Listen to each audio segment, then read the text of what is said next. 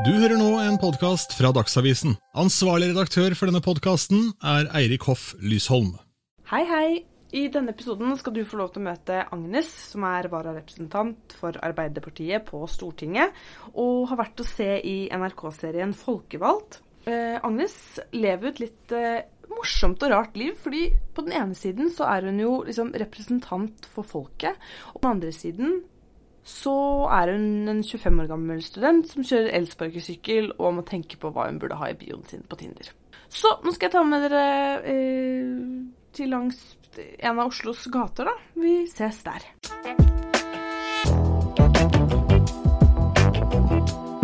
Hei.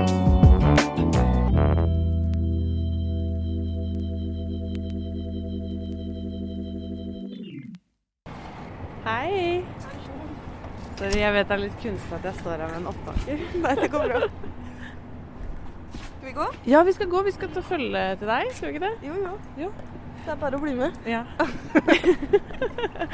Hei, Agnes. Hallo. Hei, Selma. Fortell um, Hva har du gjort nå? Eller du var inne på Jeg var på jobb. Ja, er det, du, du jobber der? Jeg jobber 50% der, på Ungeinfo.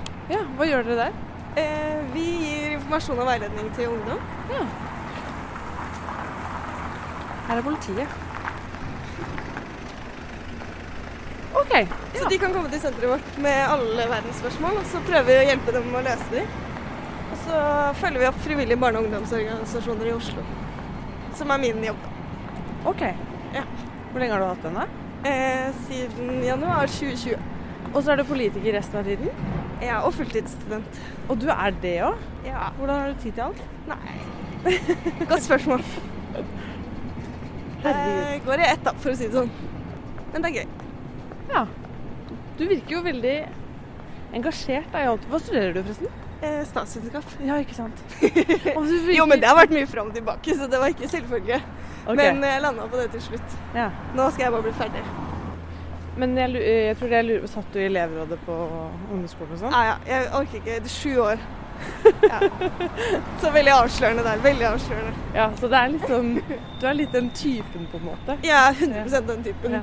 På det nivået at liksom eh, Jeg tror rektor sa at jeg drev det hele elevrådet som et slags politisk parti. Og når vi skulle lage reklamer på barneskolen, så lagde alle for et sånn tulleprodukt. Mens jeg fant jo opp et politisk parti. Så ja. Man kunne kanskje sett det tidlig, da. eh, Uten å, uten å si noe mer. Jeg går sånn inni deg. Unnskyld. Men kanskje det er lettere å prate med folk når man ikke må sitte ansikt til ansikt med dem. Jo, men det er jo veldig mye lettere, da. Det er jo litt derfor man eh, kan ha gode samtaler i bil, f.eks. Ja. Man slipper å se hverandre i øya hele tida. Ja. Faren min pleide å gjøre det med oss, i hvert fall. Eller hvis det var noe, så kjørte han oss rundt, og så kunne vi kanskje snakke om det da. Men du, jeg lurte på, siden du har vært sånn som barn, er, handler det om hvordan du har vokst opp og hvem foreldrene dine eller sånn, eller hva, hva tror du har gjort at du har vært så politisk engasjert og engasjert? Mm. Det er et godt spørsmål. Hele vennegjengen min på barneskolen var sånn høyrøsta, engasjerte folk. Vi, eh, vi Når vi spilte slåball, så syntes vi det var gøyere å diskutere reglene. På en måte. Ja. Så det sier litt om vennegjengen, da. Og så um, tror jeg på en måte at eh, det har vært mye politisk diskusjon hjemme. Det har det alltid vært. Og nyheter og ting å følge med på. Men det var nok ikke noe selvfølge at det skulle bli så politisk. Det tror jeg ikke. Folka i min familie gjør mye forskjellig. Mm. Så selv om det er engasjement, så tror jeg ikke det var sånn selvsagt. Men når du på en måte både er engasjert, og så bor du i et nabolag med så store forskjeller, så tror jeg det blir veldig vanskelig å ikke se sammenhengen, da. Og ikke liksom få veldig behov for å gjøre noe med det. Ja, for du vokste opp på, På Tøyen. på Tøyen. Mm. Husker du, husker du et minne hvor du la merke til de forskjellene? Ja, men kanskje man til og med legger enda mer merke til det når man blir voksen. Ja. Fordi at eh, da har jeg skjønt at ting som vi gjorde, ikke var sånn som alle andre gjorde. Vi dro ikke på noen klasseturer som kunne koste penger, f.eks. Det var bare, det var ikke aktuelt, fordi ingen kunne gjøre det.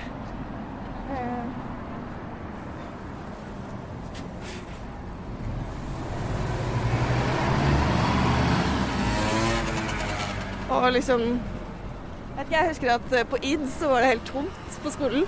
Fordi da var alle og feira. Så det var sånn alternativ skoledag hvor ingenting skjedde. Eh, og så husker jeg jo på en måte at jeg og et par andre, veldig få, gikk på liksom fritidsaktiviteter og sånn. Mm. Men det var ingen fritidsaktiviteter der vi bodde. Og det var ingen av klassekameratene våre som gikk der sammen med oss. da. Så det var veldig liksom stor Eller veldig synlig forskjell, egentlig. Og så merker du på en måte etter hvert at folk snakker om nabolaget ditt og sier ikke nødvendigvis bra ting, da. Så du blir veldig bevisst på at du bor på et type sted som har liksom dårlig omdømme. Ja. Og da lurer du også på liksom hvorfor er dette så ille? Jeg er jo vokst opp her og har det bra her, på en måte. Så det tror jeg var litt omstilling. Mm. Kommer engasjementet på han er uenig òg? Var det sånn Drives det av et sinne over urettferdighet, eller drives det av en kjærlighet for Ja, det man er glad i? Jeg tror begge deler, da. Ja. Og jeg tror litt av grunnen til at jeg liksom endte opp i AUF i Arbeiderpartiet, var fordi jeg ville gjøre noe med det. Jeg var ikke bare sint. Jeg tenkte at men her er det masse åpenbare ting man kan begynne å gjøre noe med. Mm. Så det har jeg lyst til å gjøre. Og jeg har lyst til å jobbe med politikken, på en måte. da. Sak for sak. Eh, så jeg ble aldri sånn enorm liksom, samfunnsrevolusjonær, på en måte. For man kan jo bli sånn nå at man tenker sånn Her er det sykt urettferdig. Alt med samfunnet må endres på. Mens jeg ble litt mer sånn sak for sak-orientert, på en måte. da. Eller jeg fikk veldig sånn tenker Dette må vi fikse, og dette må vi fikse, og her må vi gjøre noe. Og da tror jeg det ble veldig naturlig å ende opp sånn som jeg endte opp, da. Ja, i politikk, ja. Ja, og i Arbeiderpartiet til slutt, da. ja. Men har du Altså det er jo veldig mange som har eh, fordommer og tanker om politikere. At det er sånn derre De bare sier masse sånne eh, kloke ting og er retorikere, men så gjør de egentlig ikke noe. Har du liksom Har du hatt noe Ja. tanker om den stereotypen? Ja, veldig. Fordi Mm. jeg syns det er det verste da, med å drive med politikk. Det er at med en gang du sier det, så får alle liksom 20 tanker i hodet om hva du egentlig gjør. Og det syns jeg er skikkelig kjipt. Eh, og så kan man liksom prøve så mye man vil å være den politikeren man har lyst til å være, på en måte. Og så vil uansett folk ha et inntrykk av det alle andre gjør. Så det hjelper ikke så mye hva jeg gjør hvis stortingspolitikere får pendlerbolig som ikke de skulle hatt. Nei. Um, og jeg husker da jeg skulle bli stortingskandidat, Mm. så kan man jo liksom Så tror jeg folk ville tenkt at liksom for unge folk så er det sånn Det er den største muligheten, og det er så stas. Men jeg gikk hjem og grein. Fordi jeg syns det var så skummelt, da. Og jeg syns tanken på å liksom skulle stå i alt som er så kjipt, da, og alle de tankene som folk har, det syns jeg var skikkelig skummelt. Jeg var liksom ikke helt sikker på om jeg kunne og hadde lyst til å gjøre det, da. Og så landa jeg på at det går nok fint, på en måte. Ja. Men, eh, men da var jeg skikkelig redd for det. Å bekrefte liksom sånn broiler-ideen, eller at eh, dette er bare om, handler om karriere, på en måte. Men for meg så er det liksom Så lenge jeg kan drive med politikk et eller annet sted, så går det bra. Det er ikke så viktig hvor det er. Nei. Så det er ikke Ja, nei, jeg skjønner. Men var det mm, Hvordan har det gått, da? Nei, altså jeg er jo førstevara til Stortinget, da. Så jeg har jo holdt på en stund. Og det er jo stas, det. Men det handler jo om at det er et sted hvor du Det er det viktigste stedet for å forandre politikk i Norge. Da. Så derfor er det et sykt kult sted.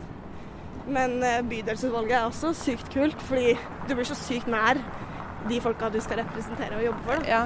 Så det kan bety mer i noen sammenhenger enn på Stortinget. Men føles det ikke helt sånn surrealistisk å gå rundt på Stortinget der? Eh, jo, eh, de første, den første timen gjorde det. Okay. Da føltes det helt rart å tenke at liksom Her skal jeg være. Men eh, så skjønte jeg på det veldig fort at dette er jo et sted alle de folka her forholder seg til hver dag. De spiser i kantina, og de går på møter og hjem fra jobben og henter i barnehagen, på en måte. Ja. Og da skjønte jeg på en måte at det er på en måte bare en jobb, det her òg. Det bare er en jobb med veldig stort ansvar. Så i et år så gikk jeg rundt og var nervøs for å liksom plutselig skulle møte på Stortinget. Men etter at jeg hadde gjort det, så skjønte jeg på en måte at herregud, det var jo ikke, det var ikke så mye å være redd for. Nei. Men nå handler det om å bruke den plassen mest mulig, da. Men du er ung, er du ikke det, i forhold til mange, mange der? Jo, men nå begynner det å komme enda flere unge, da. Ja. Så jeg er 25 år. Ja. Da er jeg ganske ung.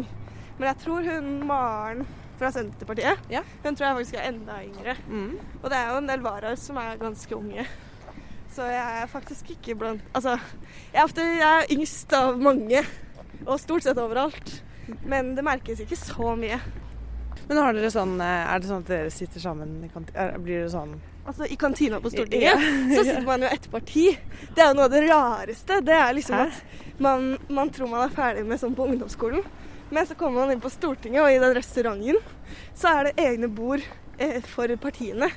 Og på kveldstid og sånn så bruker folk seg så mye, så da prøver jeg liksom drite litt i det. Og gå litt bort til høyrebordet og bare sjekke hva som skjer? Ja, Eller i hvert fall liksom til SV og MDG og Senterpartiet og sånn, da. Men, men liksom på Når det er lunsj midt på dagen i Stortinget, Mm. så er kantina stappfull. Og du må ikke tørre å sette deg på liksom et bord. Og jeg tror sånn Senterpartiet og Arbeiderpartiet og Høyre og sånn, det er de verste på det. Som er sånn derre Ja, du, du kan bare ikke gjøre det, liksom. Oi, er det sant? Ja, og pressen har eget bord, og det er veldig sånn Du skal ikke ta telefonen i den restauranten og Ja, men gud a meg. Men det høres jo helt mean girls ut, bare i voksenverden på en måte. Ja, så jeg syns det er helt rart.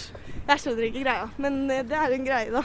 Og det er tydeligvis ikke Vi er ikke mange nok til å liksom shake it up Nei, ennå. det blir ikke noen revolusjon med det første. Ja, Kanskje det kan bli det, da. Det hadde vært litt digg. Det hadde vært litt gøy hvis du gikk inn for å endre den tradisjonen, da, for den er sikkert kjempegammel. Ja, men jeg, jeg gjør det litt på kveldstid og sånn. Ja.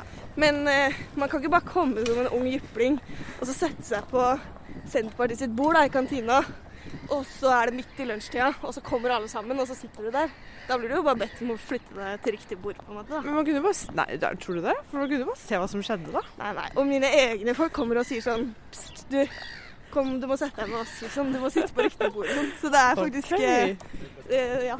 Du tulla med at du ikke hadde satt deg på bordet til høyre. Er det god stemning liksom på tvers av partiene og de man er uenig med? Eller er det sånn som det høres ut som nå i kantina, man eh, gir hverandre stygge blikk og Nei, men det er ikke noe, det er ikke noe stygge blikk, så det er ikke liksom sånn. Jeg tror eh, i kantina så er det mer sånn De prøver å hjelpe deg før du liksom gjør noe du ikke visste at du ikke skulle gjort, på en måte. Men, eh, men jeg, jeg, tror, jeg tror det er ganske godt forhold på Stortinget. Jeg kjenner jo ikke så godt de fra Høyre som jeg kjenner f.eks. Arbeiderpartiet, SV, MDG eh, og Senterpartiet. Men eh, Hvorfor det? Fordi dere er fordi man samarbeider mer. Så man sitter jo mer i møter sammen, møtes sammen. Kanskje man har vært i de samme debattene eller på de samme møtene. Og har mer til felles, på en måte. da. Ja. Men det betyr jo ikke at det er noe dårlig stemning med høyrefolka. Det er noen av de man kan slå seg ned med og ta en prat med, f.eks. Har du en venn som du er veldig forskjellig fra?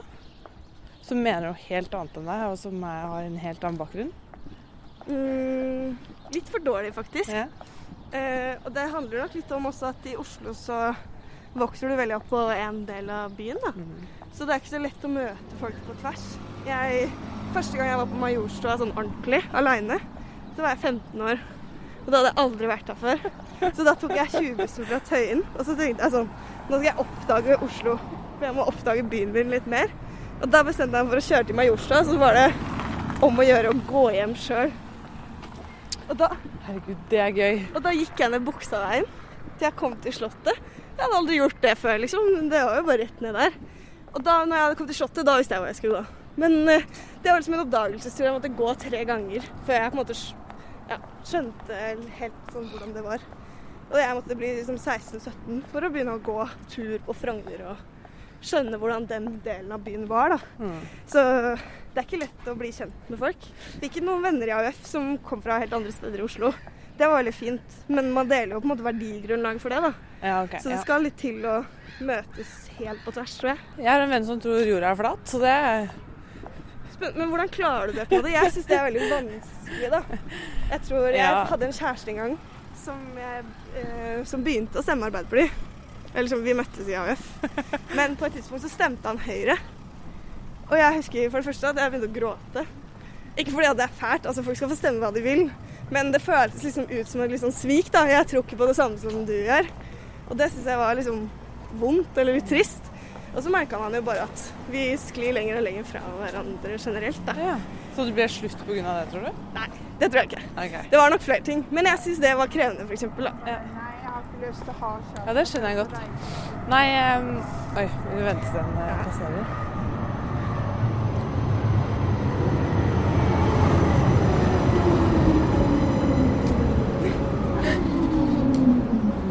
Altså, han eh, vennen min som tror jorda er flat, eh, han han er rel veldig religiøs og kommer ikke fra Norge. Han har bare en helt annen på en måte.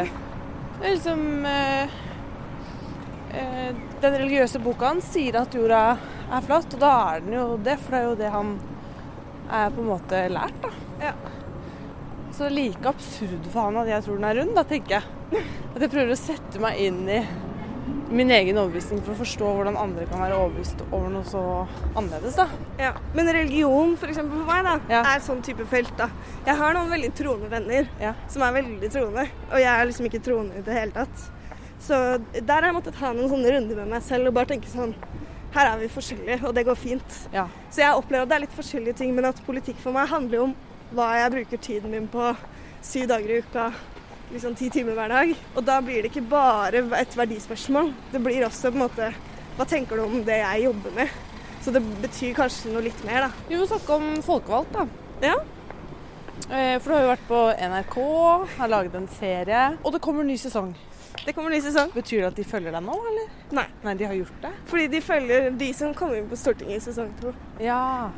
Så det blir spennende, men det blir kanskje med meg som liksom guest appearance. Ikke sant? Men stort sett ikke, nei. Nei. Så sånn er det. Og så hardt er på en måte politikken, da, men det, det er en del av gamet.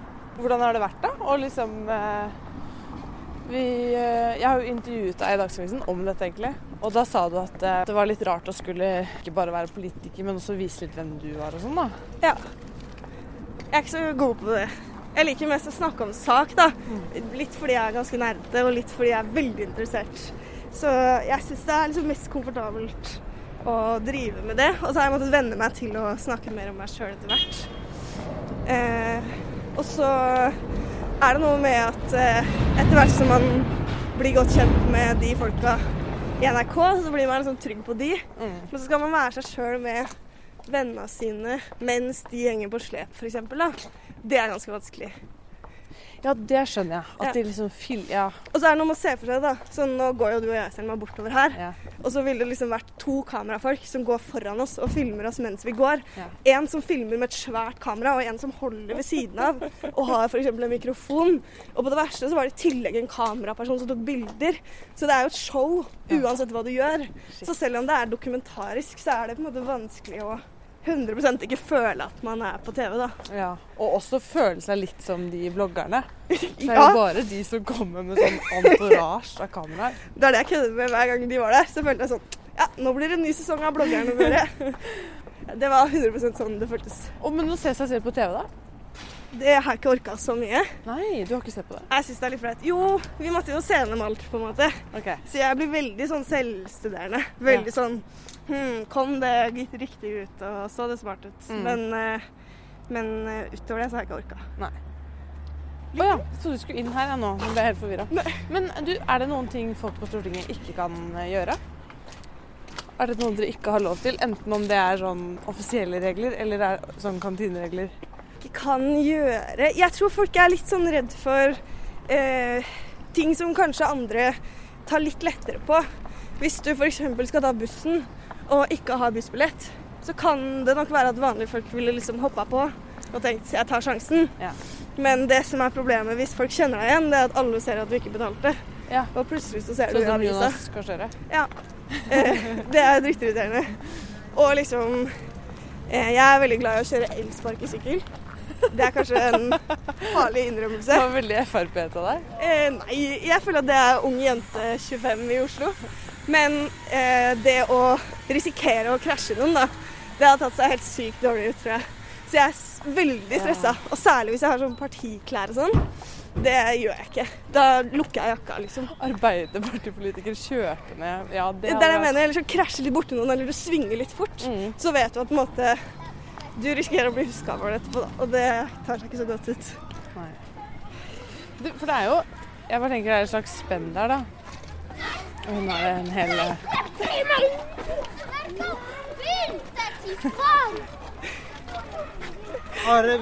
Driv og søt deg. Jo, um, det er et spenn mellom det å skulle være At du må tenke på dette med elsparkesykkelen og dette med hvem du sitter med i kantina. Og liksom balansere at du er 25 år og ung og Eh, vi er jo ca. like gamle.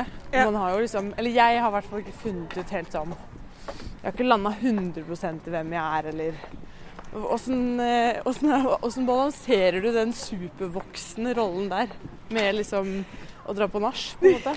Eh, Jeg tror vi skal legge til. Eh, jeg, jeg, det syns jeg er det vanskeligste av alt. da. At uh, jeg føler veldig noen ganger at jeg leker voksen uten at jeg føler meg som voksen. Og at uh, jeg driver med et eller annet spill som de andre driver med, som jeg egentlig ikke vet hva er. Ha en seriøs jobb og gjøre voksne ting, på en måte.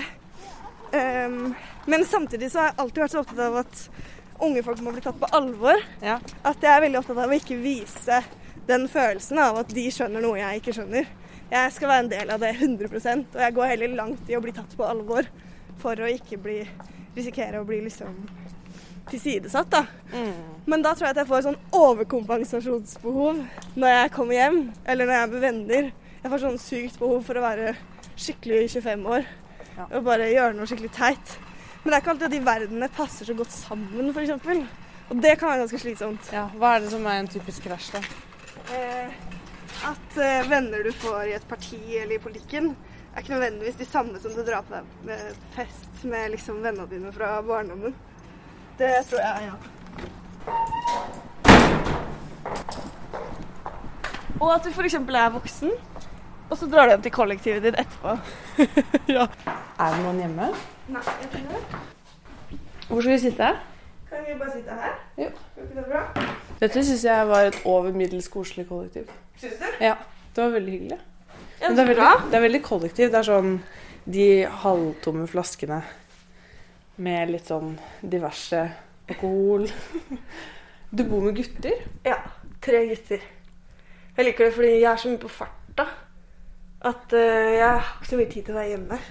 Og da er det litt deilig å bo med liksom, tre folk som ikke er så opptatt av hvordan det er hjemme. på en måte.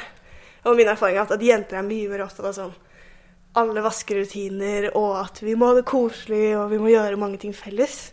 Og de gutta jeg bor med, kjenner jeg jo veldig godt, så det er veldig god stemning. Men det er liksom ikke det intense behovet for å absolutt liksom gjøre ting hele tiden, eller at vi må liksom ha den og den rutinen. Og det setter jeg egentlig litt pris på. Men eh, hvordan kjenner du de, da, som du bor med? Eh, nei, det er mye AUF, da. Ja, det er det, ja. Ja, Så det er tre folk som egentlig ja, kjenner gjennom AUF. Og som vi gjør mye av det samme.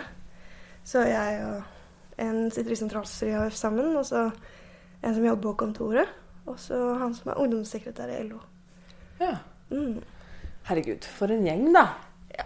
Men det er liksom fint, da, fordi vi er mye på reise alle sammen, og mye på farta. Og når det skjer store ting i livene våre, så skjer det samtidig. Og det gjør det jo veldig fint. Det er liksom ikke sånn at alt er stress, og så begynner noen å ringe og si sånn Nå må vi ha felles dugnad, liksom. Og så passer det midt i ræva. Så det er på en måte fordelen, da. Vi må snakke litt om AUF og Arbeiderpartiet. Sånn. Når var det du meldte deg inn i AUF? Eh, etter 22. juli. Jeg venta litt, men i 2012 så meldte jeg meg inn i AUF. Og så var jeg en sånn AUF-er som sa det er ikke sikkert jeg skal bli med i Arbeiderpartiet. Men så gikk det et halvt år, og så meldte jeg meg inn i Arbeiderpartiet òg. Hvorfor sa du først at du ikke tenkte at jeg liksom var radikal, da, var liksom på venstresida. Jeg nølte lenge og var ikke helt sikker på om jeg skulle bli med i AUF. Og så kom jeg inn i AUF, og så tror jeg veldig fort følte at det var skikkelig på rett sted. Og at det var skikkelig gøy å være der. Og interessant og veldig meningsfullt. Og så når man er i AUF, så møter man jo Arbeiderpartifolk, ja, det henger jo sammen.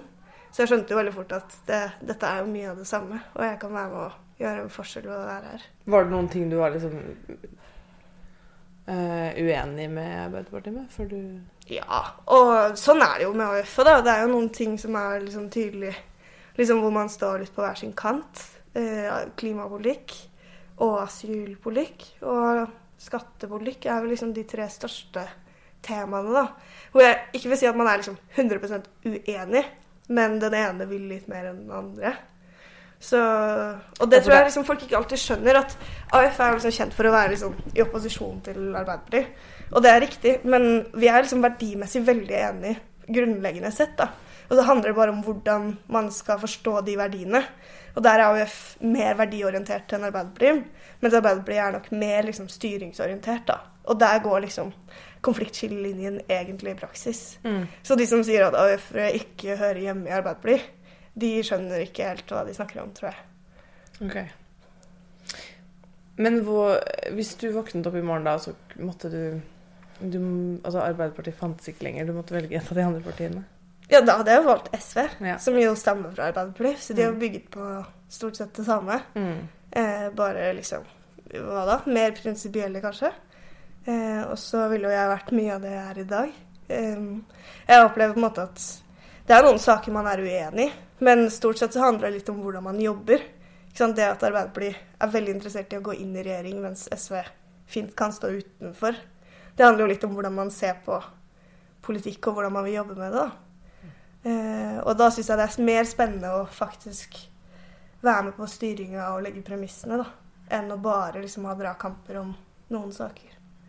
Vi var jo litt inne på sånn politikerforakt og eller i hvert fall liksom misnøye og mistillit. Og du nevnte jo selv disse pendlerboligsakene og ting som har kommet opp egentlig veldig mye det siste òg. Altfor mye det siste. Det er jo et styr på en måte når du melder deg inn i AUF Arbeiderpartiet fordi du er dritengasjert i saker, og så er det sånn det er så mye tid og krefter som går ned på bare styr i avisene.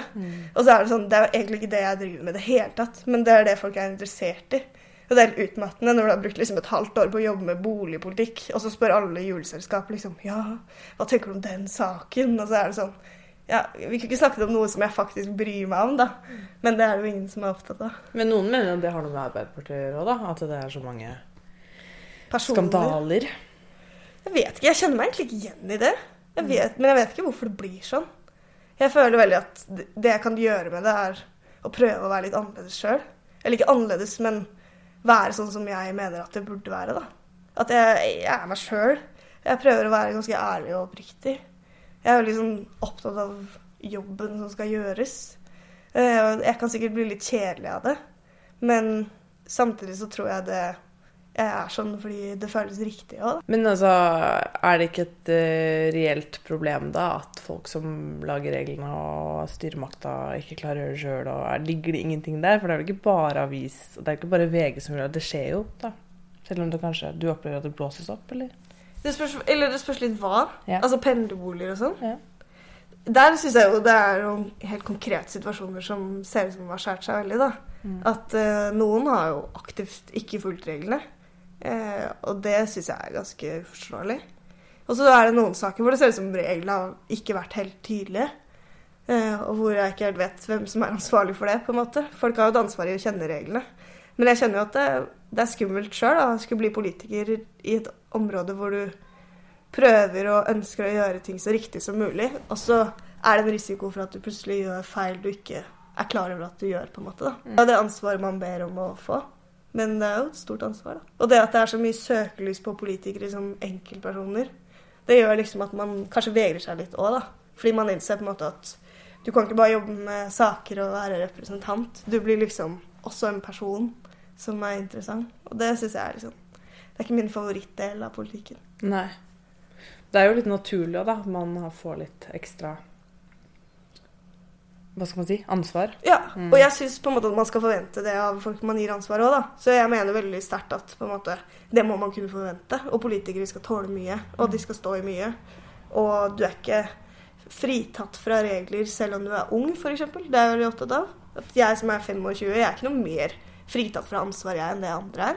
Når jeg ber om ansvar, så må jeg kunne stilles til ansvar òg.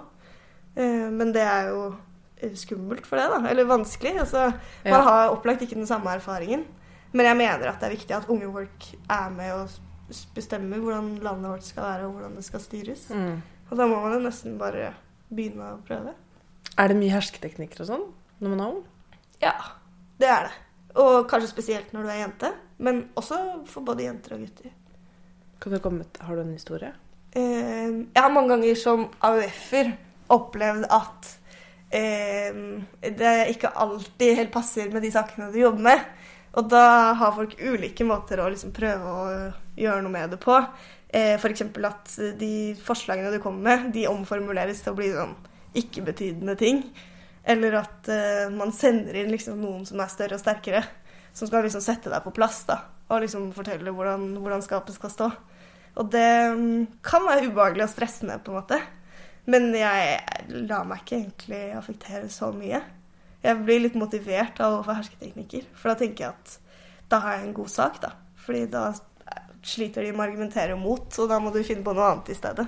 Og det er jo på en måte hersketeknikker den veien man går. Så egentlig så syns jeg at hersketeknikker kan være litt motiverende sånn ja. Jeg er veldig enig i at man kan, eh, at man kan bruke det Eller at man kan ta det på den måten.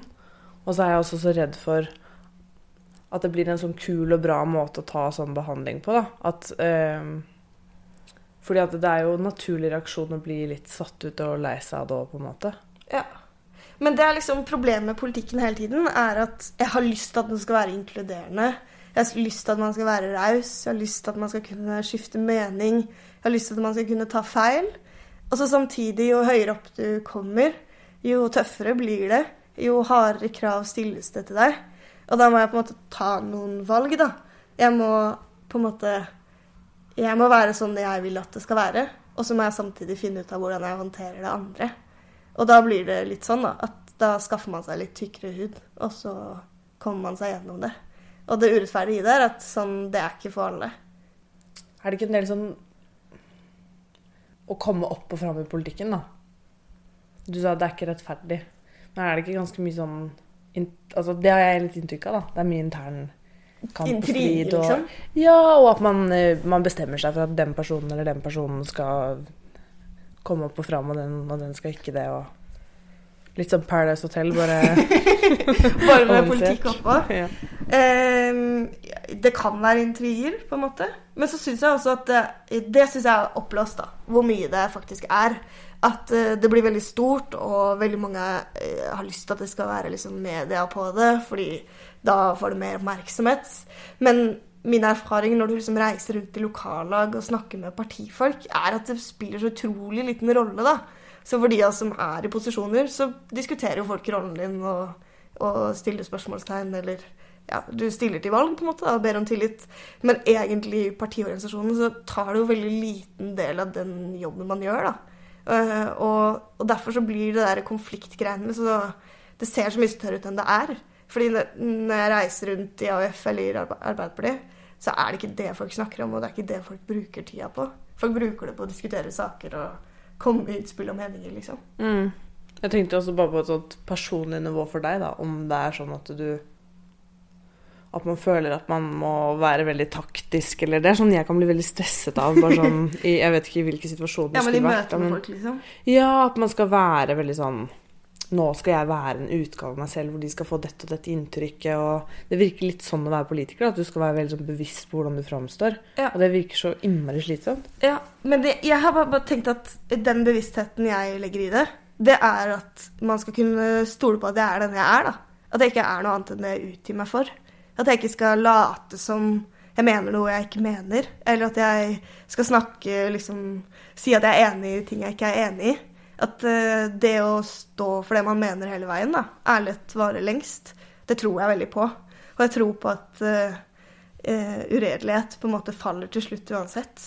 Og min erfaring er at det at jeg har kjempa for de sakene jeg har kjempa for, også når folk over meg har vært uenig, det har aldri skada. Tvert imot. Folk har tenkt at jeg er en person som har integritet, og som argumenterer godt for ting, og som overbeviser. da. Og da får du tillit også. Så jeg har egentlig bare kjent at den mest taktiske måten å være på, er å være seg sjøl. Ikke å prøve å være noe man ikke er. Og at det har lønt seg i aller høyeste grad. da. Så, så, lenge det funker, så kommer det til å fortsette å være metoden min. på en måte. Og hvis det ikke funker, så vet jeg ikke om jeg gidder. Har du høye ambisjoner i politikken? Hva er det du Nei, altså nå er jeg jo vara på Stortinget, da. Så det er vel på en måte så høyt du kommer. Mm. Altså, bortsett fra å være stortingsrepresentant. Så det syns jeg er gøy. Det skal jeg innrømme at jeg syns er skikkelig spennende. Og at jeg gjerne liksom kunne gjort det mer. Å være på Stortinget fast. Det er jo liksom Når du er vara, så får du bare en smakebit av hvordan det er. Men jeg er også veldig sånn at jeg kjenner at det er andre ting som er viktig for meg. da. Og det er som vi starta med å snakke om, at jeg jo jobber og studerer og gjør mange forskjellige ting. Fordi jeg merker at jeg er fortsatt bare 25 år. Det er så mange ting som er spennende. Og jeg er ikke klar for å gi helt slipp på de andre tingene heller. Jeg syns at det å studere nå er helt sykt gøy. Og jeg har en jobb som er skikkelig spennende. Og jeg kommer til å tviholde på det så lenge det er mulig for meg. Fordi at jeg orker ikke bli sugd inn i det politiske opplegget med en gang, da. Og det er ikke nødvendigvis en sånn drøm om å holde på med det for alltid. Problemet mitt er bare at jeg bryr meg helt sykt mye. jeg bryr meg om alt hele tiden. Jeg har en sånn evne til å bli slukt inn i både store og små saker. Og føler liksom at de er så viktige. Og problemet er liksom at man føler at hvis ikke man er der og jobber for det, så vet man ikke om det er noen andre som gjør det. Du blir veldig sånn Du merker veldig at det at jeg kjemper for de her eller det her, det betyr veldig mye i det store bildet, da. Og hvis jeg slutter med det, så svikter jeg litt den kampen òg, på en måte.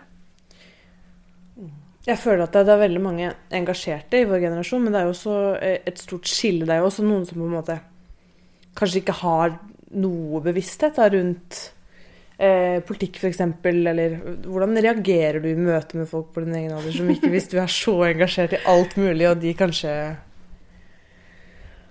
Ja.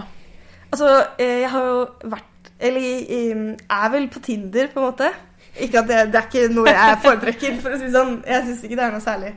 Men der har jeg hatt sånn skikkelig dilemma, da. Så skal jeg skrive noe i det hele tatt om politikk, eller skal jeg liksom være helt åpen? Eh, og så valgte jeg noen ganger sånn strategi om å liksom ikke skrive noen ting og sånn. Eh, og møtte noen og innså jo bare at shit, men alt det jeg er interessert i, knytter seg jo mye til liksom, hvordan samfunnet burde være, og det som skjer, og jeg bruker så mange timer på det at jeg innser jo på en måte at du, du, møter jo ikke noen som er interessert i det samme som deg, hvis du ikke er åpen og forteller om det, da. Så det var bare en sånn veldig konkret erfaring med det. Mm. At det er jo mange folk som overhodet ikke er interessert. Og jeg tenkte sånn eh, Det er kanskje ikke livets eh, partner for meg. Ikke at jeg egentlig tror du finner det på Tinder uansett, men det er en, en ja, annen historie. An, ja. Men jeg syns jo på en måte noe av det som er kult med politikk, det er jo å prøve å treffe de folka som ikke naturlig engasjerer seg. Fordi hvis du klarer å nå ut til helt nye folk, da, og de som ikke syns det er spennende, eh, så har du fått til ganske mye. Og det er jo ofte sånn i valgkamp, det å få folk som ikke stemmer til å gå og stemme, det er jo en kjempestor oppgave, da. Så det krever ganske mye av oss som er så nerdete og dypt interessert i noe veldig teknisk, og samtidig skulle kunne forklare ting på en lett og engasjerende måte. Mm. Men jeg møter jo ungdommer i jobben min som eh, jeg klarer å tenne gnisten og engasjementet i. da. Og når du klarer det, så er det skikkelig meningsfylt. Hvis vi i AUF snakker om politikk på en skole, møter elever som aldri har liksom tenkt på politikk før, og så bare Ja, shit, det er skikkelig urettferdig, og så blir de skikkelig gira. Så får man energi av det, da. Og det er veldig meningsfullt. Føler man seg litt irriterende når man skal prøve å, å være eh, Ja. Man kan føle seg kjempeirriterende. Og, men samtidig også eh, Det er skikkelig gøy. Det er skikkelig gøy å snakke med folk som er engasjert i noe. Jeg syns det er noe av det morsomste med jobben. Det er å møte folk som mener noe om politikk. Og det å drive valgkamp, f.eks., og få 1000 spørsmål og Det er jo liksom den perioden i året hvor alle plutselig er opptatt av hva politikerne driver med. Det er skikkelig spennende. Men noen ganger så tenker jeg sånn Når folk ser liksom Facebook-profilen min, så må de jo tenke at jeg er gæren, liksom. For det er ingen 25-åringer som skriver noe på Facebook, ikke sant. Og så sitter jeg og skriver sånne lange poster hele tiden om politikk.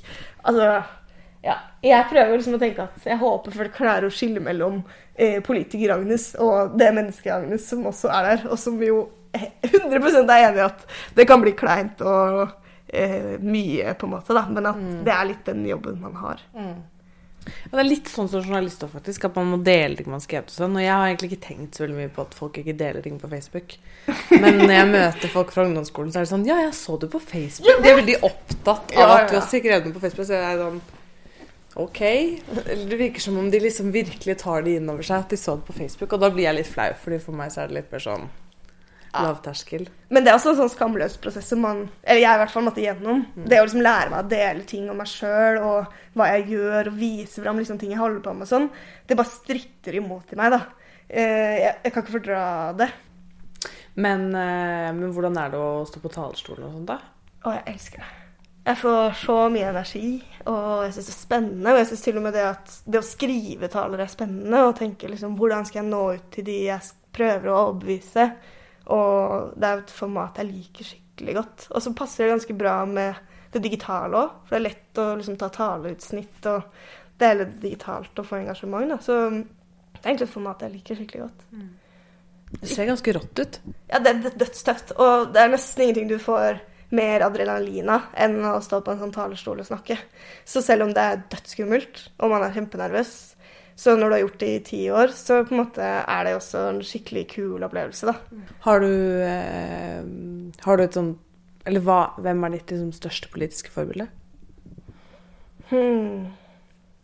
Altså Det jeg syns er problemet med sånne politiske forbilder, er at eh, jeg føler liksom at med en gang man sier at man har et forbilde på noe, så prøver man liksom å være som de. Og så har jeg aldri følt at det er noen som er liksom 100% sånn som jeg er. Eh, ta sånn Marianne Martinsen, for eksempel. Da. Hun var også fra Oslo og sjukt flink. Jeg syns hun var så sinnssykt kul. Men jeg kommer aldri til å bli så liksom god som hun er på en del sånn økonomisk politikk, da. Eh, og når jeg så den Alexandra Ocasio-Cortez-dokumentaren på Netflix, så var jeg jo helt bevega. Og jeg tror jeg så den fem ganger før jeg liksom slutta å grine, fordi den var så voldsomt bevegende for meg, da. Og det handler jo om en helt annen ting. Hun er så rå på liksom representasjon og stå for det hun mener er riktig. Og så kan man jo diskutere det, hvordan hun har fulgt opp det i ettertid, men den serien var veldig sånn sterk for meg, da. Fordi at det, det med representasjon og hvor man kommer fra, betyr veldig mye for meg. Og det er ikke så mange politikere i Oslo som er sånn. Så det liksom tok meg veldig, da. Så kanskje de. Fem ganger, ja. Det var mange ganger. jeg har sett mer enn det. Men uh, det var da jeg slutta å grine. Så sånn er det med den saken. Jeg elsker den nå. Hvis jeg kan vise den til noen andre, så gjør jeg det. Jeg. Ja. Ja. Ok, men uh, helt til slutt, da. Uh, har du i Tinder-bioen din nå at du er politiker? Nesten. Jeg har skrevet om fotballpolitikk. For da, da kan jeg gjemme meg litt bak det. Men ja, Og politikk? liksom jeg har Nei, altså jeg, jeg må bare si at jeg bruker ikke Tinder noe særlig. Jeg må bare starte med å si det, fordi, fordi at jeg syns det bare er fælt. Jeg hater det. Og så angrer jeg også. Liksom, jeg sveiper to ganger, og så tenker jeg nei, fuck it. Og så går jeg ut, og så liksom Jeg orker ikke. Altså, Hvor mange ganger har ikke jeg sluttet å laste ned den appen? Det er akkurat det jeg mener. Så jeg har det egentlig bare som sånn Jeg vet ikke. Men eh, ja, det siste jeg gjorde, var å skrive at eh, hvis du vil høre om hvorfor demokratiske fotballklubber er viktig, eller noe sånt, så si fra. Ellers så kan vi gå og bade. Jeg tror det er noe sånt. Så koselig. Ja, men da, da føler jeg at du virkelig liksom snevrer inn de som Fordi hvis man har helt andre interesser, så vil man jo bare falle helt av. det er det jeg tenker òg. Ja. Og liksom at er ikke det litt gøyere? Mm. Hvis man på en måte kan Og så finner man kanskje ikke noen man er 100 enig med, men kanskje man har en, en felles interesse, da, og det er et bra utgangspunkt. Det er det som er så fælt med Tinder.